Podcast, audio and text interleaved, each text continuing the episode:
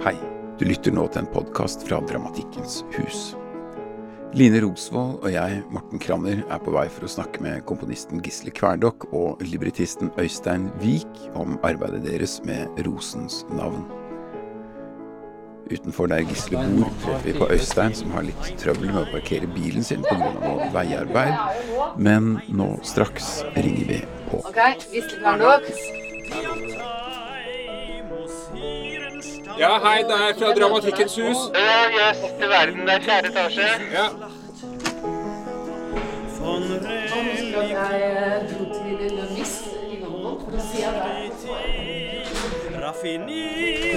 Ah, Hallo, hei, hei. ja, ja, ja. Takk, takk. Hei.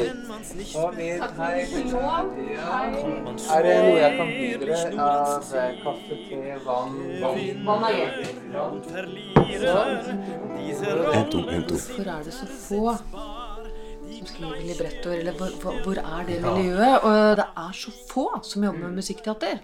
Og også altså, alle musikkteaternes sjangre, da. Eh, og operaen eller eh, ja, alt som Og det, det er påfallende. Eh, Så der har vi en jobb å gjøre, og derfor er jo dere litt sånn viktige for oss. Jeg syns det var litt sånn kult å bli tatt inn i varmen i Dramatikkens hus, da, fordi det på en måte er For oss er det også litt en sånn oppgradering av musikalen som teaterform. At den på en måte går inn også i det eh, Innenfor det som regnes for å være det intellektuelle eh, Teater-Norge. Det, det satte vi veldig pris på. Og det er klart at um, det å sette søkelyset da på eh, det arbeidet som er å skrive en tekst til en musikal, som jo på mange måter er en sånn litt sånn obskur ting som folk ikke helt vet hva er. Fordi sant, det heter en musikal av Andrew Lloyd Webber. Det er veldig få som nevner librettisten, eller det er Le Miserable av Claude Michel Schönberg, eller det er en opera av Mozart eller Puccini eller Verdi. Det er Librettisten er eh, mer Hva skal man kalle det? I beste fall en grå eminense. Men det er jo, det er jo viktig, og, og det er et fag. Men eh, det er jo nesten enda vanskeligere å livnære seg som librettist enn som vanlig dramatiker, fordi eh, eh, antall oppdrag med musikaler er jo enda færre, og i tillegg så er det det at en musikal er som regel såpass kostbar affære at i tillegg til å skrive verket, så må man prøve å overbevise et teater om å bruke 20-30 millioner på noe som aldri har, vært vist å være svømmedyktig før. Det er en ganske hard oppgave, altså. Ja. Så noe av svaret ligger nok der. Ja. Og dere har jo liksom dette med Tysklands det, det må dere si noe om hvordan dere havnet der, og hvorfor dere har et stort marked i dette i Tyskland, rett og slett. Med eller Miserable i sin tid så fikk jo jeg mitt eh, ankerfeste både i, både i England og i tyskspråklige Europa. Og det var jo på mange måter gjennom det at, eh, og at jeg jobbet ganske mye i Tyskland, at vi fikk det kontaktnettet som, som ga grobunnen for at vi to kunne eh, produsere verk og, og få det få det oppført der. Det var særlig en, eh, en teatersjef ved navn Fritz Dieter Gerhardt, som eh, attpåtil var doktor. Det er jo, Tyskere er jo ofte doktorer. Han var doktor i lyssetting, da, faktisk, av alle ting. Og um, han var jo den første som trodde på oss, og var eh, sprek nok, modig nok til å satse. Det var Sofies verden. Han gikk hardt ut, og det ble en kjempesuksess. Og så eh, fulgte han opp med flere produksjoner, og deretter så utvidet vi kontaktnettet, og, og så har det blitt en jevnlig, jevnlig ting som vi fremdeles holder på med. Gisle Hvordan kan fant også dere to hverandre eh, i dere Når var det? Sti, ja. Ja, Gisle kan jeg fortelle. fortelle? Ja. Nei, det var rett og slett um, Han skulle spille inn sin første plate, og det var uh, Han hadde bestemt seg for å synge inn sanger av Steven Sondheim. Og så var det da en felles bekjent av oss som hadde da anbefalt meg, fordi at han mente at jeg var den som kunne mest om Sondheim i Norge, da. Eh, så, så vi ble på en måte koblet, da, eh, på det plateprosjektet. Så da endte det opp med at jeg arrangerte og spilte og dirigerte all musikken på den plata hans, da. Som eh, Han var et multitalent. altså det bare... vi hadde ett treff hjemme hos meg, og hvor, hvor liksom du skulle presentere deg selv, nærmest. og det tok jo nøyaktig 28,5 sekunder, så skjønte jeg at uh, dette, var, uh, dette var mannen. Uh, jeg har aldri møtt noen med en sånn total oversikt over musikalsjangeren, rett og slett, som det, som det Gisle har. Både som pianist og som komponist, og ikke minst eh, egentlig holdt på å si orakel, eller, og leksikon. Altså, det er en mann som da kunne absolutt alt innen sjangeren i veldig ung alder. Nei, det, så det, et, e, det, har vært et eventyr fra, Hvor lenge er det siden? Det var 91. Ja, ja, så det er jo lenge siden. Og så laget vi jo ja, så holdt vi jo litt kontakten etter det, for det var da ja, Du jobbet ikke... for min kone òg, med ja, lydbokforlaget. Ja, fordi hun hadde lydbokforlag, Inger. Inger. Ja. Eh, så jeg skrev musikk til lydbøker, og så, eh, og så ringte du Jeg var i Canada. Hadde et prosjekt eh, med noe samtidsopera i Canada, og så ringte han klokken fire om natten eller sånt, og han visste ikke at jeg var i Canada.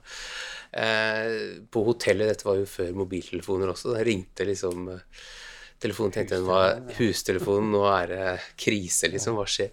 Og da, da sa han Hei, du, har du lyst til å uh, skrive musikk til uh, Sofies verden? Eller ja, jeg husker ikke hvordan det var. Altså. Så det var Og så prøvde Du hadde jo også spurt et par andre komponister, da, så prøvde du litt ut forskjellige ting, da, som jeg skrev da musikk til da, åpningsscenen, og da var det gjort, da. Da ja, følte du at dette var riktig. Så det var i 90 jeg tror det var i 95, 95 eller noe sånt ja, nå, da vi begynte med det. da, Og mm. premieren på Sofies verden var i 98. Hvor mange verk har dere signert sammen nå? Det Hvor mange er det? Tolv? Ja. Tolv helaftens mm. musikaler. Og operaer. Oh, tre, tre operaer og Ja. Akkurat i dag så møtes vi jo fordi dere har jobbet lenge med Rosens navn.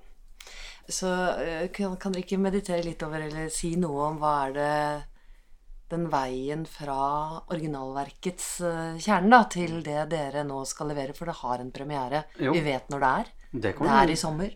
Og hvilken dato er det? 9. august. Ja, og teatret heter? Det er, altså, altså, Teatret heter Teater Erfurt, og det er operahuset i Erfurt i Tyringen i Tyskland. Men, eh, men selve happeningen, holdt jeg på å si, er um, Domstufen Festspiele, heter det. Det er altså Domstufen, altså doms, eh, domkirketrappene.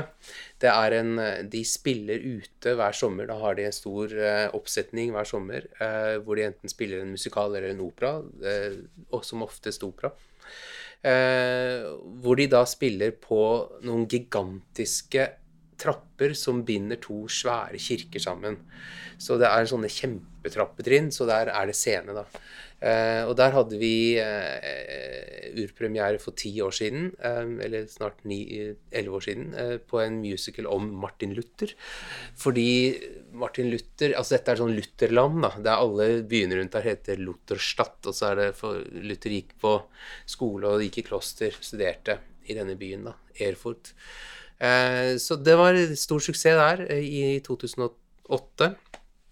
Og nå er vi der igjen, da med Rosens navn. Så det er 2000 eh, publikummere hver kveld, og det er eh, fantastisk. Eh, et spektakulært sted altså med fullt orkester og masse 80 manns orkester og rockeband og stjerner fra hele Tyskland. Virkelig sånn totalpakke. Veldig flott, altså. Det er, ja. Nei, så det er veldig en, altså, Tyskland er jo full av sånne eh, sommerfestspill, teaterfestspill, hvor de spiller ofte mus både musikaler og operaer og operetter og sånt noe.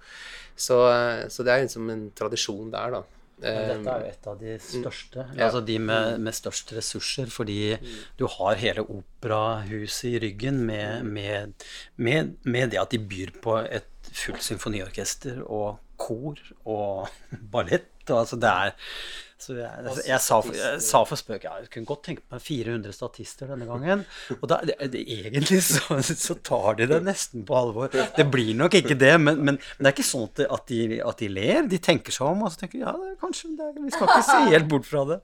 Men, Nei, men det er eh, liksom sånn eh, Ja, vi tar med ekstrakoret også, ikke sant. Så det er liksom Nei, fordi at man skal fylle den svære plassen, da. Det er jo gigantisk. Så de sperrer hele byen, og så bygger tribuner, og så er liksom det Og, og det, er, det, er, ikke sånn at de bare bruker trappene, de bygger altså konstruksjoner. Det, det blir litt som i Verona, og, og, hvor de, det, er Scenografen kommer fra han er fra Komisch vel, Berlin, og, har Altså, de, de lager vanvittige Bruker mye, mye ressurser på å få det til.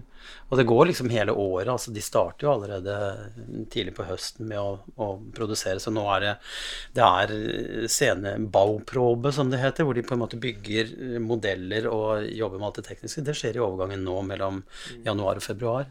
Koret begynte å øve forrige uke.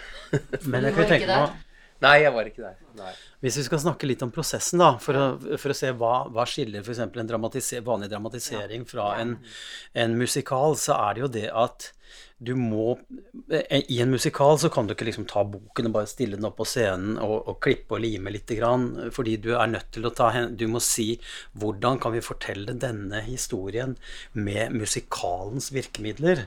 Og da er du plutselig inne på en helt annen type tankegang, for da handler det om produksjonsnumre, det handler om duetter, det handler om eh, tersetter, kvartetter, eh, og bruke forskjellige stilarter, kanskje. Bygge inn en avstand, ironi, den type ting i, både i tekst og i musikk. Men ikke minst det at du, du skal jo også sette det om. Det skal jo helst altså Normalt sett så vil du ha sanger, det er lyrikk det er, eller, eller sangtekster, og du må tenke ensemblenummer og ting på en helt annen måte. Og skape et destillat hvor i tillegg til det du gjør tekstlig, da, så skal du gi rom for at musikken på en måte bygger underteksten og, og, og gir kontrastfargene til, til, det talte ordet.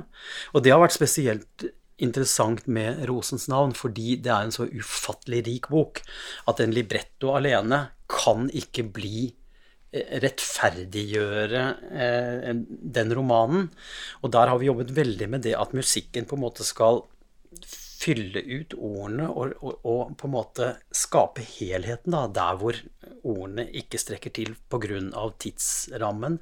Kan vi få musikken inn til å fylle ut og skape både den religiøse atmosfæren rundt det, eh, poesien, eh, refleksjonen, alt dette som ligger så til de grader i, i lag på lag i teksten. Da, så da har du på en måte librettoen som på en måte glasuren, og så ligger musikken under og tar seg av, av de dypere lagene i og det tror jeg i hvert fall er sånn vi har tenkt, og, og, og jobbet veldig nøye med det for å, for å skape akkurat den formen. da. Og det er jo det er Utfordringen med musikal er jo på en måte det at eh, altså, det er mange som prøver å skrive musikal, og så lager de f.eks. En, en eh, struktur hvor det er en talescene først, og så synger de en sang. Og da er det ofte mange Jeg har sett så ofte at sant, de spiller scenen, og så synger de om akkurat det samme. Så de sier det samme to ganger. ikke sant? Eh, og Det er veldig ofte en sånn feil som folk gjør, da. Eh, for man må jo ha en sang, ikke sant. Eh, Eh, så det som er viktig, er jo at, at man omformer da teksten, altså omforme monologer og sånt til sangtekster, da. Men at sangen, altså musikken og alle de elementene som Og det er jo også dans, ikke sant. Altså det er jo koreografi også. At det alltid fører til eh, handlingen videre. At ikke det stopper opp, da. Eh, og det er jo på en måte så Altså musikalformen er en ganske interessant form i 20. århundre så har jo på en måte, kanskje den utviklet seg nesten raskere i forhold til det dramaturgiske enn opera. For ofte så har på en måte altså Det var jo veldig mye som skjedde med opera kanskje tidlig på i, i århundret, men, men etter hvert så ble liksom tok musikken veldig over i samtidsopera, så ble nesten samtidsopera ble på en måte mest, nesten som en slags konserter, på en måte. Mens i musikalen så har det alltid vært eh, librettist og regissør som på en måte har liksom styrt skuta, da. Mens i opera så er det alltid som komponisten som har siste ordet. Og det, og det syns jeg er veldig interessant med musikal, da, at man, man, kan på en måte hele tiden må tenke en musikalsk dramaturgi, og at, eh, at musikken må være en drivkraft som fører handlingen framover. Altså. Ikke at man bare står og synger og er, er, statisk på en måte og bare understreker ting flere ganger. Så, og det syns jeg Øystein er veldig god på, akkurat det å tenke hvordan musikken kan drive det framover. For han legger opp da altså det er jo Som oftest så skriver han teksten først, og jeg skriver musikk etterpå. Men vi jobber jo veldig parallelt, og noen ganger så har jo jeg musikalske ideer som jeg gir til ham, og som han blir inspirert av, eller som han kan sette tekst til. da. Men, men, eh, stort sett så er strukturen kommer strukturen fra Øystein, da, og da syns jeg han er veldig Han er flink til å finne måter å tenke musikk på som på en måte fører handlingen videre. da. Ja, og det er på en måte også noe av eh, Noe av librettistyrken må være sånn, for du er, du er nødt til på en måte å skrive med, med øynene til komponisten, på en måte. Fordi du må tenke er dette, er dette noe han kan bruke? Eller altså den tanken har jeg hele tiden når jeg setter sammen en tekst og tenker er det, vil dette kunne funke musikalsk, og hvordan vil, det, hvordan vil det være å skrive musikk til dette? Samtidig som du skal selvfølgelig tenke på det, Men det, det, der tror jeg har hatt mye glede av å skrive krim. Det der med tanken på action og fremdrift, og at du nettopp skal, at du skal videre, da. Og at du ikke har egentlig muligheten til å, til å til å si ting to ganger. Du, du, du, skal eh, videre, og du skal på en måte hele tiden jobbe med det som Robert McKee snakker om, med endring av verdi i løpet av en scene. At du, at du enten lader den negativt eller positivt, og at det er det der hele den konstante vekslingen der at den indre spenningen oppstår da, i en tekst. Og det, mm, og det er sånn som, Men igjen så er det jo det at Gisle og jeg vi jobber jo nesten sånn telepatisk etter hvert, fordi vi behøver egentlig ikke snakke så mye sammen. Vi kan sitte i hvert vårt land og skrive en musikal òg, fordi det ligger bare der, det går i eteren. Og plutselig så har han skrevet et tema før jeg i det hele tatt har hørt det. Og så har jeg laget en tekst, og så viser det at de to tingene faktisk passer sammen uten at vi har snakket om det. Det har skjedd mange ganger. Og ikke bare én gang, men en struktur videre mm. ut i hvor det viser seg også at temaer han har lyst til å bruke, der finner han plutselig de, de tingene ligger allerede i teksten på et eller annet vis. Så det er, det er en form for samkjørthet som er ganske rar. Eh, og, og litt sånn Nesten litt spooky, tenker jeg. Ja, det var en sånn med Både med Fanny og Alexander og med Rosestam, som vi jo på en måte nesten har jobbet med parallelt, da. Så var det det at eh, jeg, jeg laget faktisk bare Altså, jeg, jeg, pleier alltid Altså, veldig mange musikalkomponister de skriver bare låter, ikke sant, og så er det arrangører som arrangerer ut alt og liksom tilrettelegger, da sånne gitarkomponister, som Egil Monn Iversen kalte de. Men jeg, jeg, vil på en måte lage hele strukturen musikalsk, så jeg skriver på en måte det man kaller for underscoring, altså musikk som ligger under teksten når man snakker. Og, altså jeg prøver å lage en helhet som ikke bare dreier seg om sanger, men all musikken. da.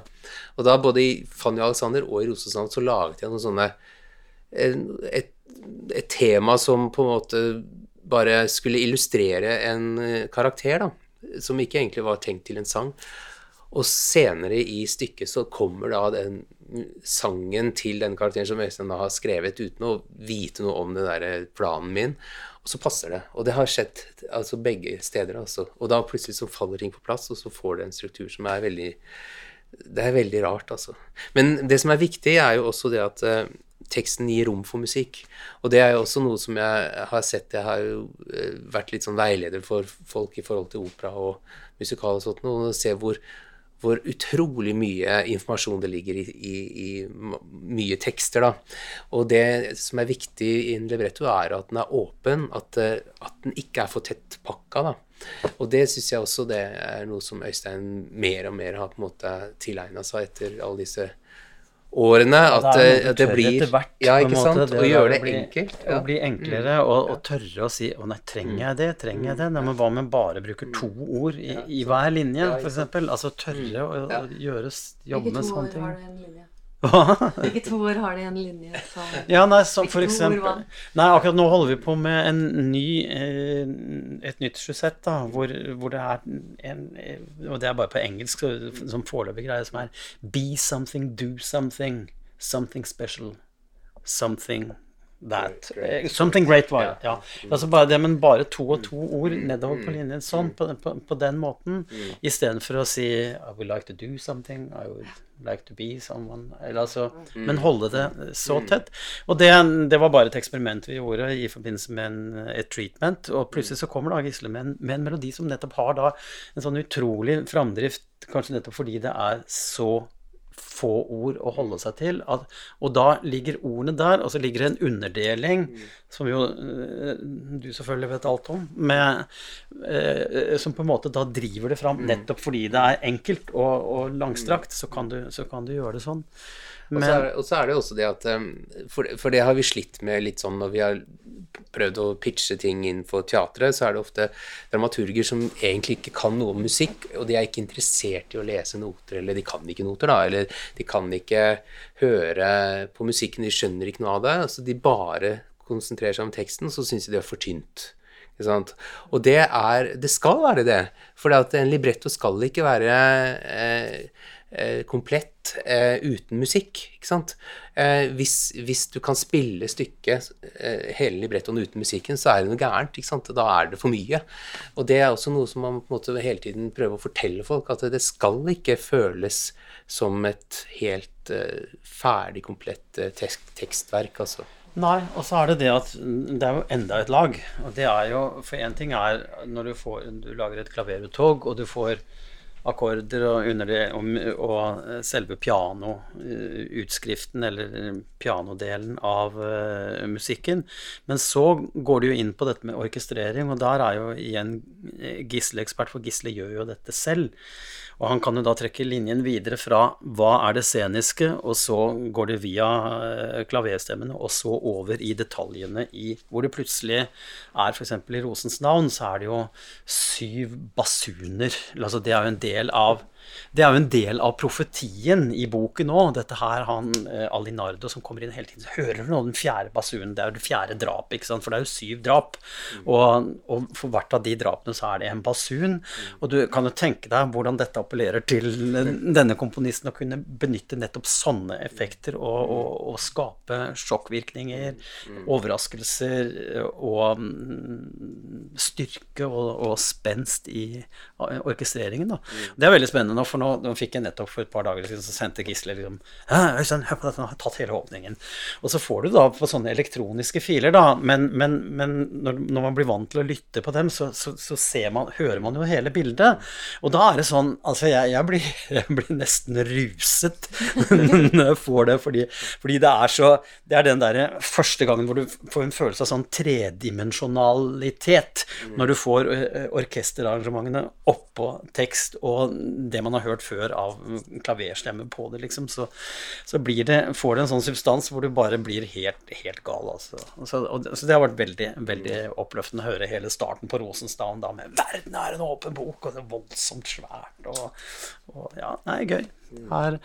Og det morsomme igjen er jo da at dette blir som et slags bryllup, eller et ekteskap, på en måte, mellom Når ord og tone først på en måte er smidd sammen, så kan du ikke rive det fra hverandre igjen. Det, det, da, det er liksom lenket til hverandre for evig, og der det oppstår et tredje uttrykk som verken er musikk eller ord, men som er altså det, det nye som er musikkteatrets magi, som er den forening. Det er i hvert fall det som er målet, da. Eller det er det som ja. vi streber etter. At man ikke skal kunne tenke seg den teksten med noe annen musikk, eller musikken med en annen tekst. At det er, det er uatskillelig, på en måte.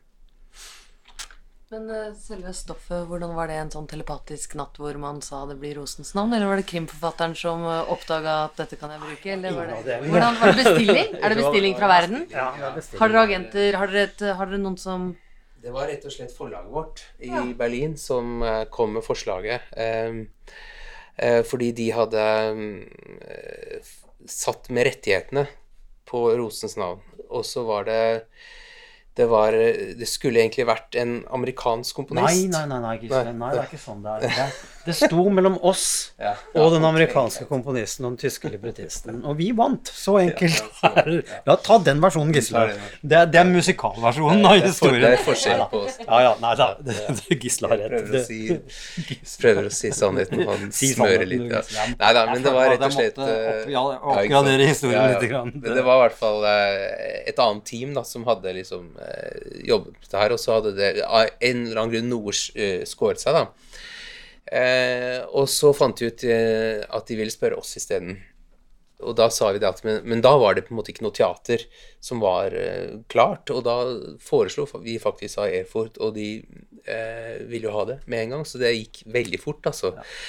Og så eh, Og da hadde vi akkurat sittet og jobbet eh, masse med Fanny Alexander, og Eller vi hadde vel Altså, de, de to kom egentlig på en gang, de to bestillingene, da. Ja, for begge, er, begge var at vi fikk tilbud om rettighetene. Eller så Ja. Ja.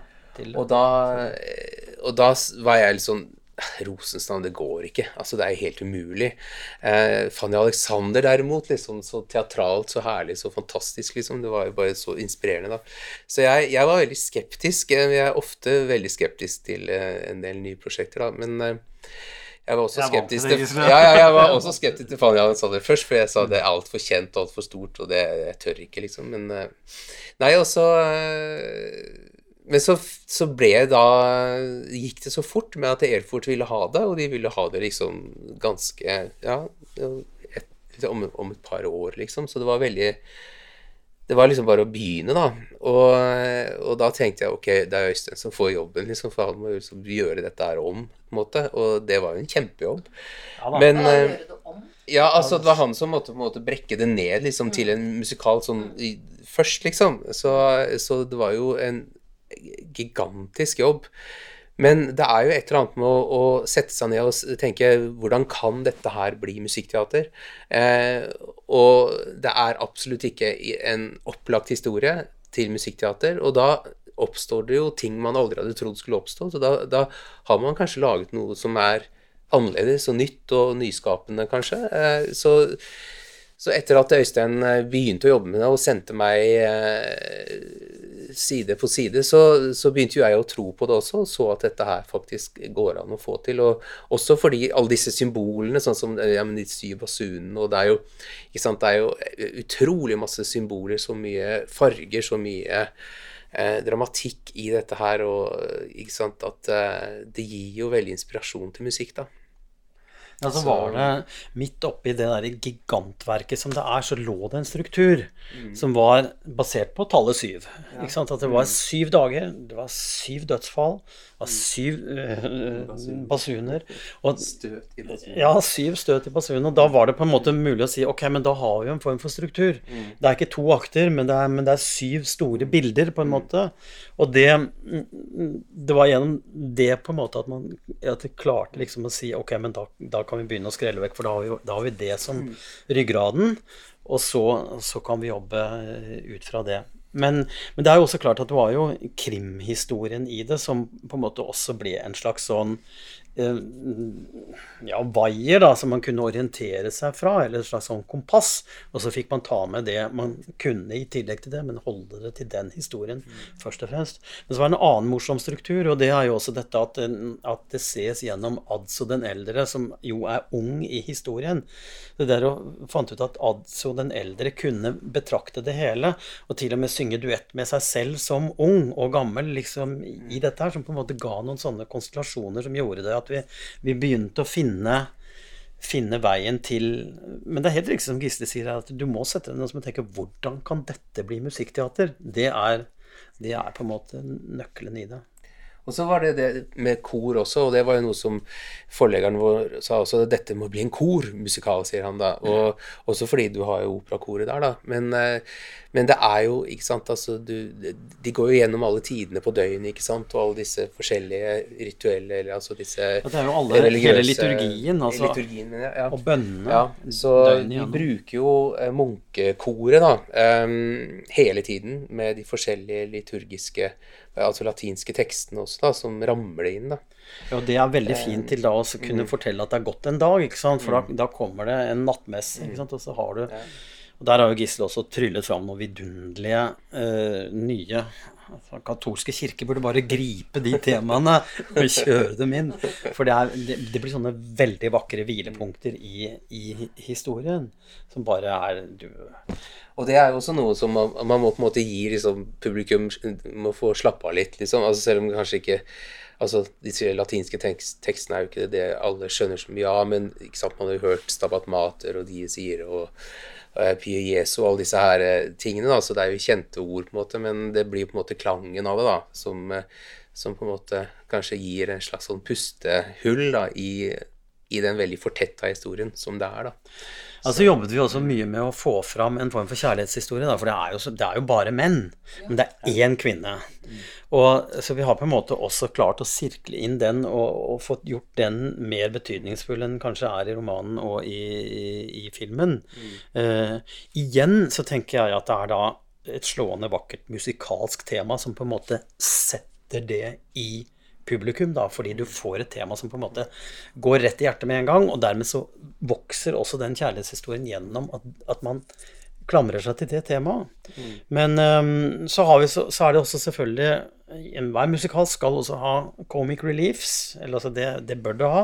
Og der er jo heldigvis denne figuren Salvatore, som Humberto Eco har laget, som, som jo er en sånn virkelig sånn grotesk, morsom, helt på randen fyr, som vi har kunnet bruke da til å gjøre disse, disse komiske numrene, da, som, som, som også er en slags sånn puste, pusterom i mysteriet og i de relativt mye tyngre tingene. Da. Så Nei, så vi, vi fant en form på det, altså. Det er helt utrolig. Men, eh, men det er jo Øystein og jeg er jo begge to veldig sånn Vi tenker at uh, alt går, på en måte. Altså vi, vi tenker det er bare en utfordring, og ja, altså jeg, jeg har en oppfatning om at man kan skrive opera og musikal overalt. Altså, al- altså hva som helst.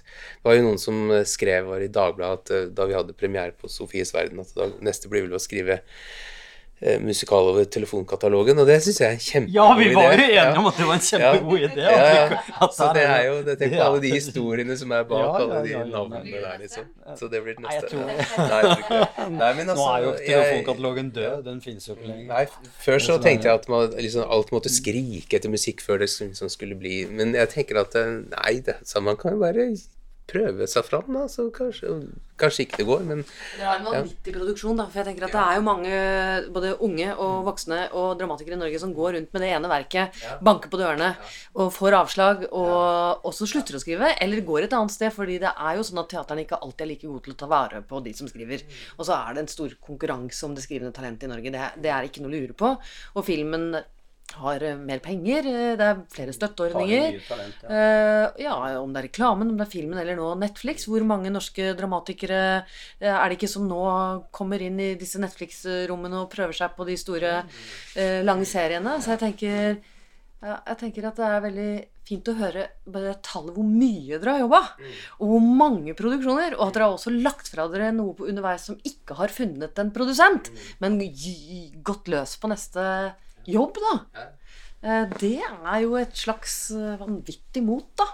Og veldig kraft, tenker jeg. Fordi uh, Ja, eh, det er, eh, det er dramatikere som sier at de slår igjennom etter at de har skrevet 15 stykker, og så begynner noen å sette opp det første stykket deres. Eh, Vi må huske på en måte at det tar tid. Altså, sa ikke du noe om det med å det bygge bygge opp en katalog? Jo, det, du må jo det. Og det, det er jo det fine med å skrive, er at det blir jo ikke borte. Eh, Det ligger der. Og før eller senere så kan ting som man har tenkt er dødt eller, eller er eh, ute av verden, plutselig dukke opp igjen. Nettopp fordi det kan komme på moten å gjøre det, eh, eller det kan bli eh, fokus på det. Men jeg tror også noe av nøkkelen til å lykkes med dette, er også det at man nettopp går videre, at man skriver noe nytt, at man sier til seg selv og definerer seg selv som Ok, har man skrevet én ting, så klarer man å skrive én ting til. Og det er ikke sånn at kreativitet blir borte. Tvert imot, jo mer du bruker den, jo, jo større vil den bli. Så, mm, så det er Nøkkelen er bare aldri å gi seg, rett og slett. Men, men skriv noe nytt. Ikke er det noe som ikke funker, og da finner man ut at man har banket på åtte dører og man ikke kommer noen vei, da er det nesten bedre å slutte å banke og skrive noe nytt og banke med noe nytt. Så har du allikevel det andre eh, liggende. Jeg, jeg tror på det, i hvert fall. Og så er jo vi Vi er jo velsigna med at vi skriver kjapt, da, begge to. Vi er, kan være ganske raske, altså. Eh, og jeg tror det er viktig når man skriver musikkteater også, at man har en teknikk, sånn at man kan skrive fort. Fordi at det er et eller annet med å Hvis man sitter i ti år og, og flikke på en opera, liksom, så er man er en annen etter ti år, liksom. Fra, er en annen ja, ikke sant? Ja. Så, og det er noe med å liksom holde publikum i ånde i to timer liksom i et strekk. Man må ha en sånn slags sans for flyten når man skriver. At man liksom har en, schwung på det, da. Og Øystein kan trylle ut en tekst veldig kjapt, og så går en halvtime, og så er melodien klar, liksom. Ja, det, er, det er det, er jo, det er jo ofte sånn, altså. Ja. Det, er, og det er jo ofte de, de der første ideene som blir stående, på en måte. Hvis man begynner å tulle for mye med det, så blir det bare rot. Nei, og så er det sånn Så, hvis, hvis Gisle kommer med et tema eller sier Øystein, hør på dette, altså, eller sender det over på, på meg. Og da blir jeg Da får ikke jeg sove den natten. Fordi hvis jeg, hvis jeg liker det, eller altså hvis jeg liker det, og da blir det at man går og surrer. Og så kan du si at ja, det går kjapt og langsomt på samme tid. Fordi du, vi bruker nok ganske mange tanker på det, men tankene går veldig fort. Sånn at det er Dermed også så kommer, så kommer jo både tekst og musikk sånn uh, rimelig kjapt. Men det jeg, tror- jeg tror også på det at jeg, jeg tror ikke det er tankens hastighet som nødvendigvis avgjør om noe blir godt eller dårlig. Jeg tror det er mer det der og Van Gogh snakker jo også om det. Vi skrev en musiker om van Gogh òg, som vi lærte veldig mye av rent sånn når det gjaldt å skape. At han hadde det der med at han måtte når, når det var en følelse der, når det var noe som, som var på gang, så kunne han ikke gi seg da. Han måtte male følelsen ferdig. Og det kunne hende at det tok et døgn eller, eller to eller tre, men da var bildet ferdig. Og en, en annen maler ville kanskje brukt en måned på det og returnert og fram og tilbake, men han måtte liksom i én intens bølge skape det. Og det tror jeg også er noe kanskje som både Gisle og jeg har, den der, der greia med at når du først er inne, så blir du så giret at du, du klarer bare ikke å la være. Nei, du, du tenker ikke på noe annet. Og så har vi jo veldig glede av det, da. Vi syns Ja. jo det er gøy. Altså, vi syns jo det er, Ja, det er- det er fantastisk det. moro. Jeg gleder meg jo alltid til jeg får nye tekster, og du, du blir jo Altså, vi prøvde ut noen nye sanger her om dagen, og du dansa jo rundt i stua her. Ja, ja. Du var helt gira. Er- Rosens? Nei, det er nei, nye det er neste neste prosjekt. prosjekt, ja. Så er- Så uh, vi, vi har det jo veldig gøy. Det er jo Altså, det er jo et helvete når, eh, når man er midt i produksjonen, det vet jo dere alt om, eh, og rett før premieren og alt går til helvete, og alle, eh, alle krisene bare tåler seg opp, liksom, og man tenker aldri mer. Og så er premieren over, og så er det liksom Hva skal vi gjøre nå, da? Ikke Ja, sant? det er- Og så er det er bare å begynne på noe nytt er med en gang. Det, er, det er utrolig Det er kjempegøy å skrive musikkteater, altså. Det er det. Men uh, i, når van Gogh uh, ga dere det, hva er det Rosens navn har gitt dere? Nå sitter dere i Den katolske kirke hver uh, Ja, ja. Det er jo Ja, hva skal man si? Altså, Ja, det, er, det rare er jo at Umberto Eco Ja. er, jo, er jo Han har jo hele spekteret i, i den romanen. Fra det mest poetiske og det mest opphøyde til sånne groteskerier som du, du knapt kan fatte fantes. Vi har jo skrevet en sang på det som heter 'Svisj gnam gnam', som handler om altså å grave opp lik og spise dem som et eh, middel mot eh, hunger. Det er sånne ting som også fins i Rosens navn, så det ble et av de komiske numrene, tro det eller ei. Men, derfra til, til denne poesien som handler om når unge Adso kommer inn i klosteret og finner ut hva, hva egentlig dette klosteret er, og hvordan han omtaler det, i sånne metaforer som er veldig, veldig vakre. Altså, som, som jo også igjen nei, Jeg har bare satt dem inn i rytmisk form. De er jo eh, Umberto Ecos egentlig. Og det der spennet der mellom poesi og groteskeri syns jeg har vært utrolig interessant å få, eh, å få innsyn i, altså når det gjelder hans litterære mm, Hva skal vi si univers. Men eh, du sa noe om en tematikk eller et Altså det mørke.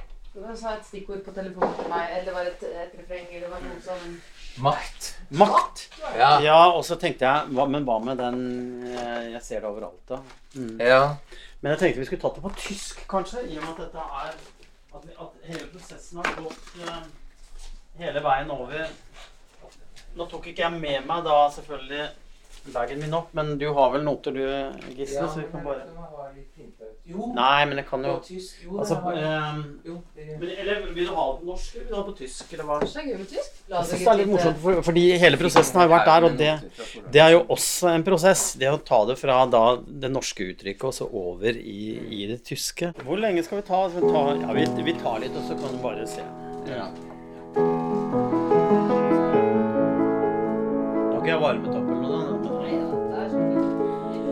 Macht, ein kleines Wort. Die eine Silbe klingt so süß, die Abtei muss ihren Stand bewahren in dieser Schlacht von Religion und Politik. Raffiniert ist dieses Spiel, wenn man's nicht beherrscht kommt man schwerlich nur ans Ziel. Gewinner und Verlierer, diese Rollen sind ersetzbar. Die Gleichgewicht der Macht im Blick nach ich unverletzbar. Im Dreieck dieser Mächte halt ich mich folglich oben. Doch dieser Streit hat allzu weit das Gleichgewicht verschoben. Macht ein kleines Wort, die eine Silbe klingt so süß, die Abtei muss ihren Stand bewahren in dieser Schlacht von Religion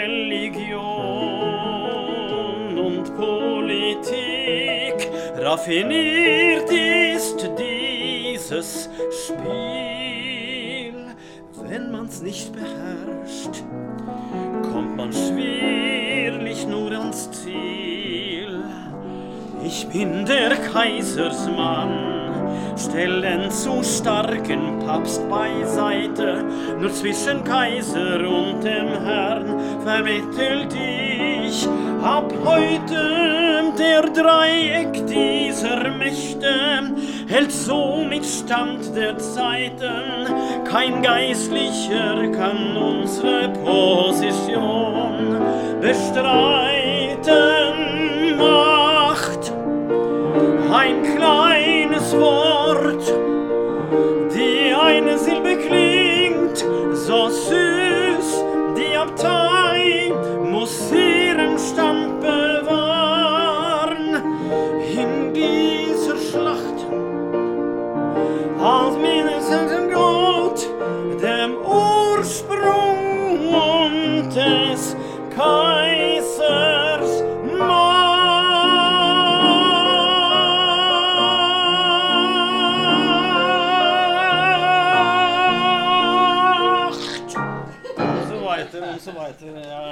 har vi kjærlighetstema. da. Jeg tenkte bare kunne ta litt av den nå, for det er en veldig sånn elegisk vakker når unge Adzo Ja, det du, Ja, jeg tenkte egentlig det nå. Altså ja, ja.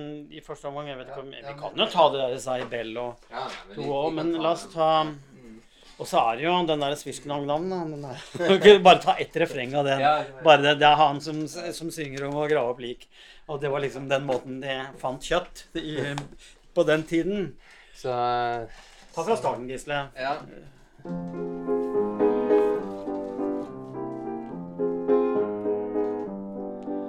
I landsbyen jeg vokste opp, var det dårlig vær Nei, nei, unnskyld. En gang til. I landsbyen jeg Nei. Ja, nemlig. I landsbyen jeg vokste opp, var det dårlig vær. Alle trodde verdens undergang var nær. Jorda var sørpe, korn og knoller sank. Luften var en graut av en pestbefengt stank. Flere år med avling, flere Faen, altså. sånn... det går ut, ikke sant. Men så fikk vi tilgang til en annen form for spekken. Vi grov opp de døde, svisj, gnam. Markens grøde, svisj, gnam. Man vender seg snell av mangere kadavre, svisj, gnam. Det metter mer enn havre. Bror spiste søster, far spiste mor. Og på to ei tante så ravd opp hans jorda. Reisende, svisj, gnam, gnam. Lokket barn med epler, svisj, gnam. Kniven mot strupen og svisj, gnam. Barnebrusk og kjøtt er både mørt og søtt. Ja, ja, ja. ja. Ok, nei, ikke helt i time, men, ok, men det er litt sånn, da. Svisk-nam-nam. Så det var en liten smakebit av det. Så kan vi gå over på det mer poetiske igjen. Men bare for å ta ytterpunktene, siden vi snakket om akkurat det. Hvilken side var det andre på igjen? Eh, 160 et eller annet. 160 168 Nei, skal vi se Ehm, 168. Hvis det er samme på tysk, da. Jeg vet ikke. Nei, det er det neppe, men eh, skal vi se Kyrie eleison. Jo da, der, der har vi den. Ja. Skal vi se. Det er jo Når Gisle kommer med et sånt tema, så er det jo bare veldig, veldig deilig. Det må jeg bare si. Eh, eh, hvor var det? Skal vi se. Det er enda litt lenger før. Ja.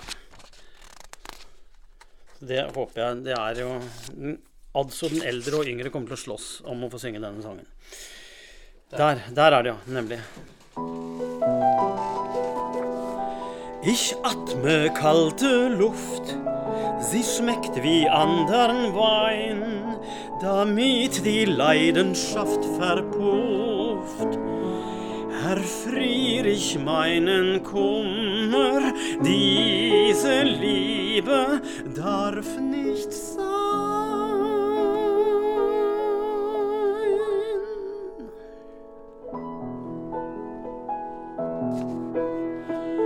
Tochter von Eva, sündig, verzehrend, arm und erniedrigt und fast unfassbar scherend, du bist die Worte im heiligen Buch.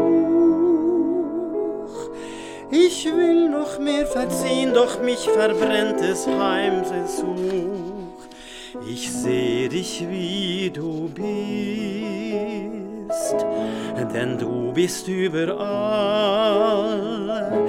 Im Laub des sanften Bohnes kust im roden nachtigall Jeg tror vi må ta den en gang til, fordi det ble for mye tull der. Hva? Skal vi ta den om igjen? Ja. Det ble så Skal vi ta Vi kan ta fra Ja, fra refrenget. Mm. Ich seh dich, wie du bist, denn du bist überall. Im Laub das sanftes Boden küsst, im Ruf der Nachtigall. Dein Lachen lockt mich an, doch bleibe ich dir fern. Bekämpft die Sinne Liebeswahn auf Knie von Gott dem Herrn. Niemand besitzt dich, gibt dir dich für Geld. Ich sehe dich von mir, allerschönste Frau der Welt. Erbe von Adam, menschliche Triebe, tödliche Gifte bringt die körperliche Liebe. Gott muss sein schwaches Herz nachvollziehen. Doch trotzig kommen Träume hier, die mich zu tief verwehren.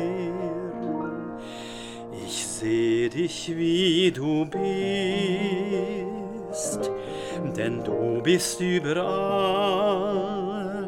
Im Laub den sanften Boden küsst, im Ruf der Nachtigall. Dein Lachen, Lachen lockt mich hin, doch bleib ich dir fern. Bekämpft der Sünde Liebeswahn auf Knie von Gott dem Herrn. Bekämpft den Sinnen den, bekämpft die Sinne Liebeswahn, bekämpft der Sinne Liebeswahn auf Knien von Gott dem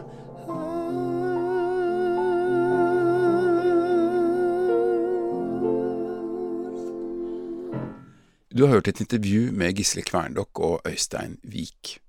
Dette er en podkast fra Dramatikkens hus 2019.